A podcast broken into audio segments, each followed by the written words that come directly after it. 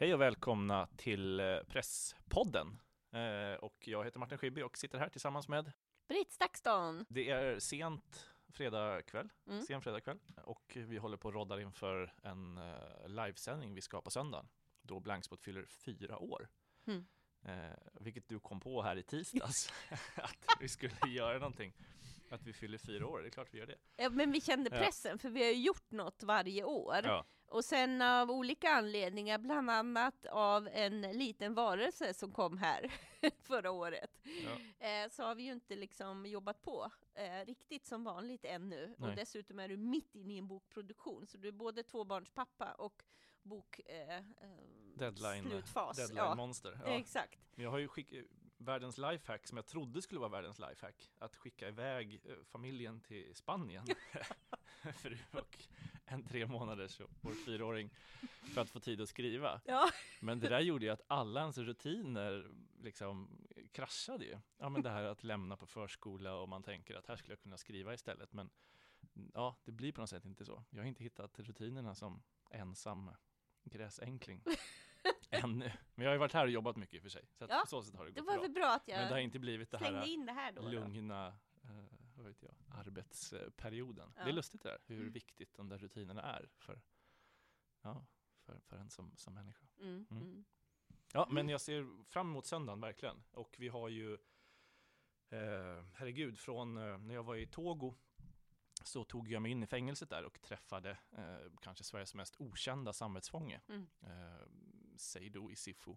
Hur länge hade han suttit då? Åtta år då. Ja. Var ju tortyrskadad, eh, mådde riktigt, riktigt dåligt eh, och slog ju verkligen larm om att jag måste ut härifrån, jag överlever inte så länge till här inne. Och skrev mycket artiklar om det och intervjuade demokratiaktivister runt om i Togo. Och sen släpptes han ju eh, och eh, kom hem till Sverige. Och det här blir mig veterligen den första intervjun med honom eh, i frihet. Så att dels är man ju nyfiken på hur det här året i frihet varit för honom. Mm. Men också, det är val i Togo eh, nästa år. Eh, hans fängslandet av honom blev lite som en symbol att många, det var som en politisk väckarklocka för många att han fängslades och då undrar man ju har hans frisläppande inneburit någonting för demokratirörelsen där? Det ska bli spännande. Få höra om hur UD jobbade i hans fall. Vad vet han om det? Mm. Eh, hans dotter Vasilla kommer också vara med och berätta om eh, Hon var ju väldigt, väldigt aktiv. Mm, verkligen, verkligen. Slogs Ja. i åtta års tid Mm. och höll pappan vid liv inne i det där fängelset. Och innan de visste var han var reste runt på varenda militärbas i landet och frågade efter honom.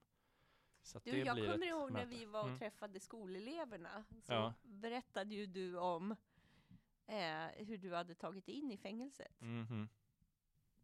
Eh, och det var ju Ja, liksom... Det var väl inte helt, eh, vad ska man säga, comme il faut. Men det gick, ja. Ja. Ja. Eh, och det var ju också någonting, så jag tänker mig att vi behöver ju puffa den här intervjun för eleverna, för de var ju Mhm. väldigt engagerade Mm. i det som hände på plats där. Ja, verkligen. Mm. verkligen. Ja, nej, och sen så kommer eh, Mesfin Negash, en av Etiopiens eh, liksom mest prominenta, tycker jag, journalister, grundare av Addis Negar, tvingats exil, varit länge i Sverige. Eh, efter den politiska jordbävningen på Hornet som vi har pratat mycket om här i podden, så var han tillbaks i Etiopien eh, bara för några veckor sedan. Så det ska bli jättespännande att höra vad han såg i det landet. Den här eh, liksom, självklara rapporteringen, är, den, är det så självklart? Liksom? Det känns Mm. som att allting är väldigt flytande och det känns som att alla är väldigt självsäkra på ett sätt som också oroar en lite. Det ska bli spännande att höra hans reflektioner kring det.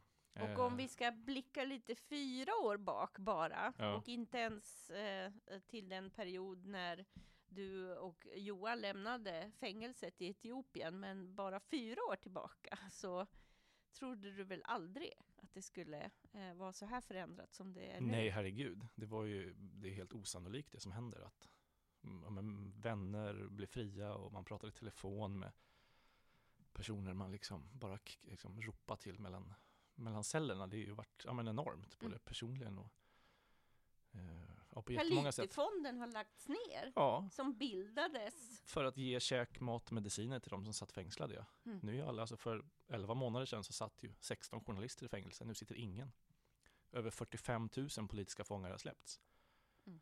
Och jag tycker det säger någonting också om vilken förtryckarapparat Etiopien ändå var. Alltså det säger någonting om alla de nu ska man inte ranta på om det, men alltså alla de som försvarade det landet så länge och för allting. Alltså nu när det kommer fram hur pass, att det verkligen stämde det här med att det satt så pass många politiska fångar runt om i landet. Mm. Att nu har man fått det svart på vitt. Så att det är en spännande och något som är spännande att prata med Mesfin Negash om, det blir ju också att det är ju inte bara en sån här kumbaya försoning, utan man åtalar ju till exempel förra informationsministern sitter i fängelse, Simon Bereket. Och många liksom av hökarna i Meles Zenavis regering står ju nu åtalade. Visserligen för korruption, vilket väl alltid har varit i det landet. Man vill sätta dit någon och inte för liksom, tortyr eller, eh, eller så. Men det är ja, en... Ja, jag, jag, ja, verkligen ska bli spännande. Vi ska inte kanske prata upp alla intervjuer Nej. allt för mycket, men det är en mängd eh, gäster från eh, eh, ja, från Eritrea, från Etiopien, från Togo, från Afghanistan. Varis Khan kommer hit. Ensamkommande kommer hit. Eh, vad händer där? Vi har en ny reportageresa på gång till Kabul. Och Varis Khan var ju den första du intervjuade när vi drog igång vår bevakning ja. av situationen. Precis, då ringde jag honom och satt han inlåst på förvaret i Märsta. Och, och han idag... är också fri och ja. har jobb och eh, försörjer sig själv. Eh, och är, ja, men också händer mycket. Mm. Mm. Och det är väl lite det vi vill eh, med att dels fira en milstolpe som fyra år, eh, men också att eh, göra det genom att peka på journalistiken som har gjorts. Mm. Eh, och också se vad, vad hände sen. Men de här historierna som du har nämnt är ju exempel på de här längre löpande reportagen mm, mm. som ofta publiceras i long read-format som ju finns på Blankspot. Så det är ett sätt att peka på det. Eh, men sen vill vi också peka på det nya vi gör. Mm. Så det blir ju också en del spännande intervjuer runt det. Verkligen.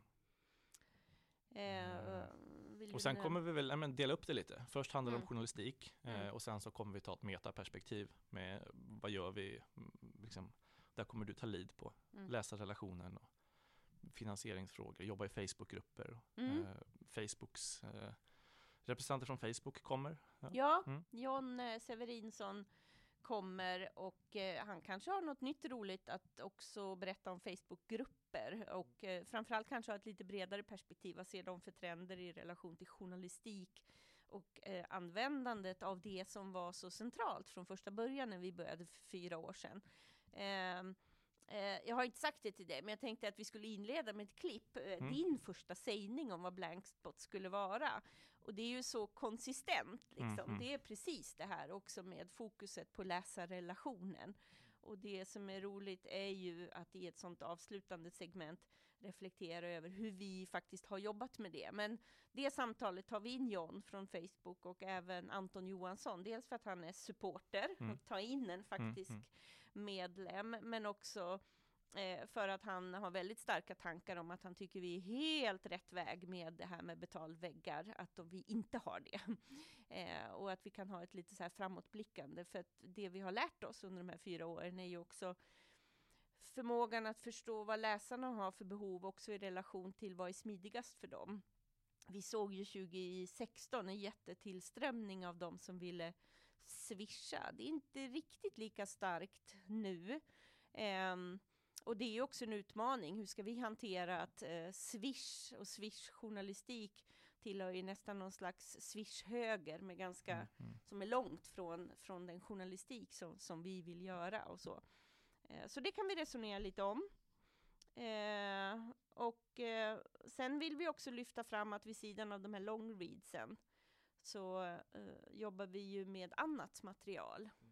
Ja, massa nyhetsnotiser, flera hundra per år från världshändelser man annars hade missat i vårt nyhetsbrev och också såklart med artiklar, uppföljningar och, och så.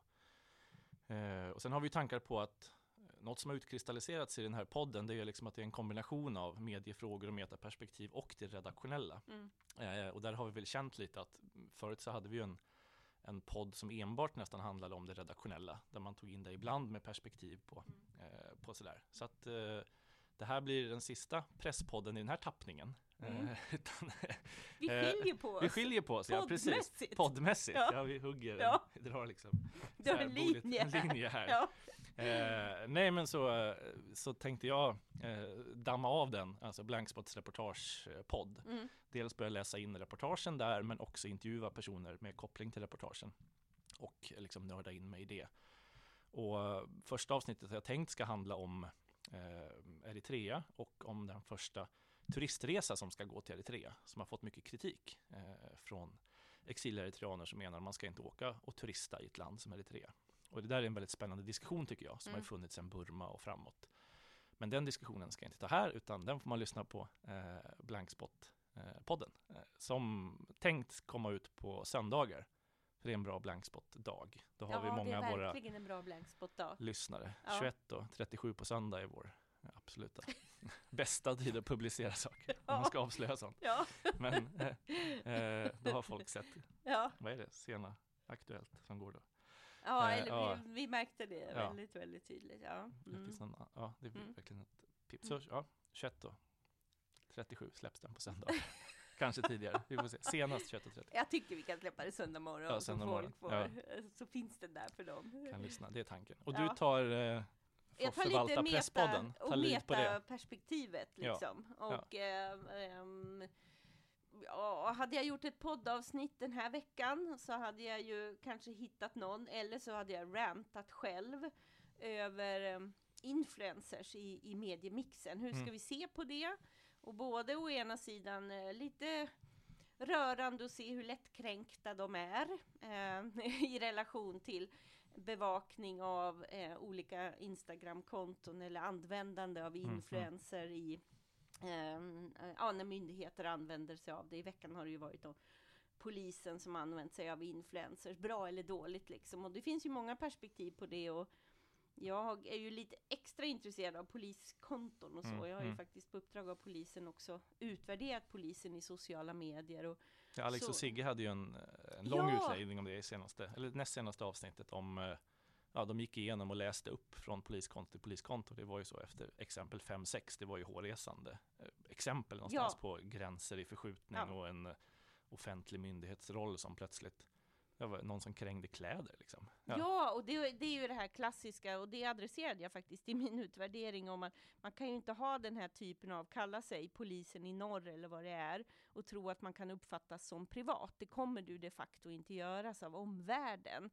Men eh, det som den storyn också leder till är en reflektion över, om man tittar på ungas medievanor, som det känns som att om man följer många, många poddar, så refererar man ju till varandras poddar och man längtar efter nya poddar och man tipsar om varandras poddar. Det är liksom där mediekonsumtionen finns. Det är otroligt intressant och mm, kul på så många sätt och vis. Men då är ju frågan om den storyn som helt obviously Alex och Sigge, det var ju Alex som hade plockat mm, upp mm. det först, den får ju sitt eget liv. Moa Wallin i Tankesmedjan tog upp det exemplet och sen har jag sett krönikor mm, om ja. det här kontot. Men ingen creddar Alex Schulman och jag är helt övertygad om att källan någonstans där, det kan inte vara så att hela världen plötsligt kretsar kring polisen i norr samma veckor liksom. det var nog få som kände till ja. Instagramkontot. Ja, och det ja. är spännande att fundera ja. över när det är väl hög tid att vi faktiskt creddar goda idéer som vi spånar vidare eller spinner vidare på. För det är ju en ganska, det har ju blivit en bra skärpning av cred-kulturen mm. medier emellan. Mm. Ja, verkligen, verkligen. Ja, där, Expressen är väl ledande och vara schyssta, liksom, att verkligen ha en policy och credda, credda allting. Och där är ju, herregud, journalister är ju känsliga som jag vet inte vad, när det gäller just att inte bli creddad. Det är ju verkligen en men då, ja, tar i själen ja, liksom. Att, och då, ja. Men då om man sitter, för det är ju helt klart så att istället för att bara hänga på Twitter, som man kanske gjorde 2010, för att fånga upp den stora snackisen, så har man ju inom sitt bevakningsområde x antal poddar man följer. Men då får man ju sköta mig credda dem. Så.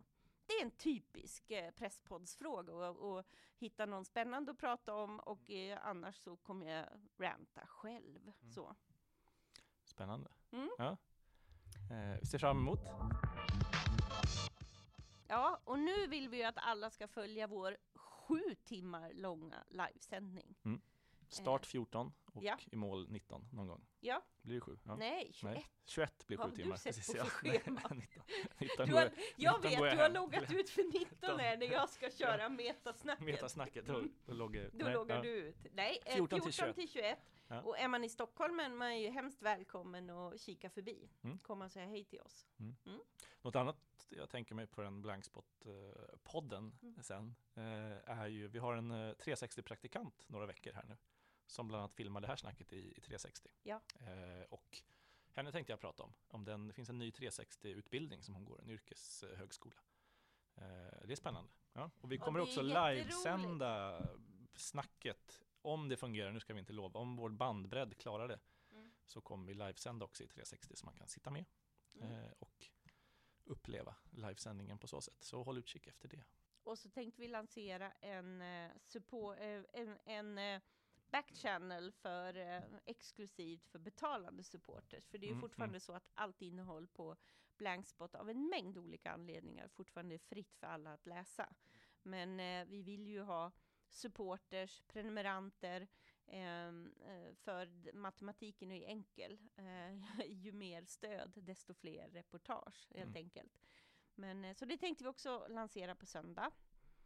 Så eh, håll koll på vad vi gör imorgon och kom och säg grattis till oss helt enkelt. Vi säger så. Mm. Tack och hej.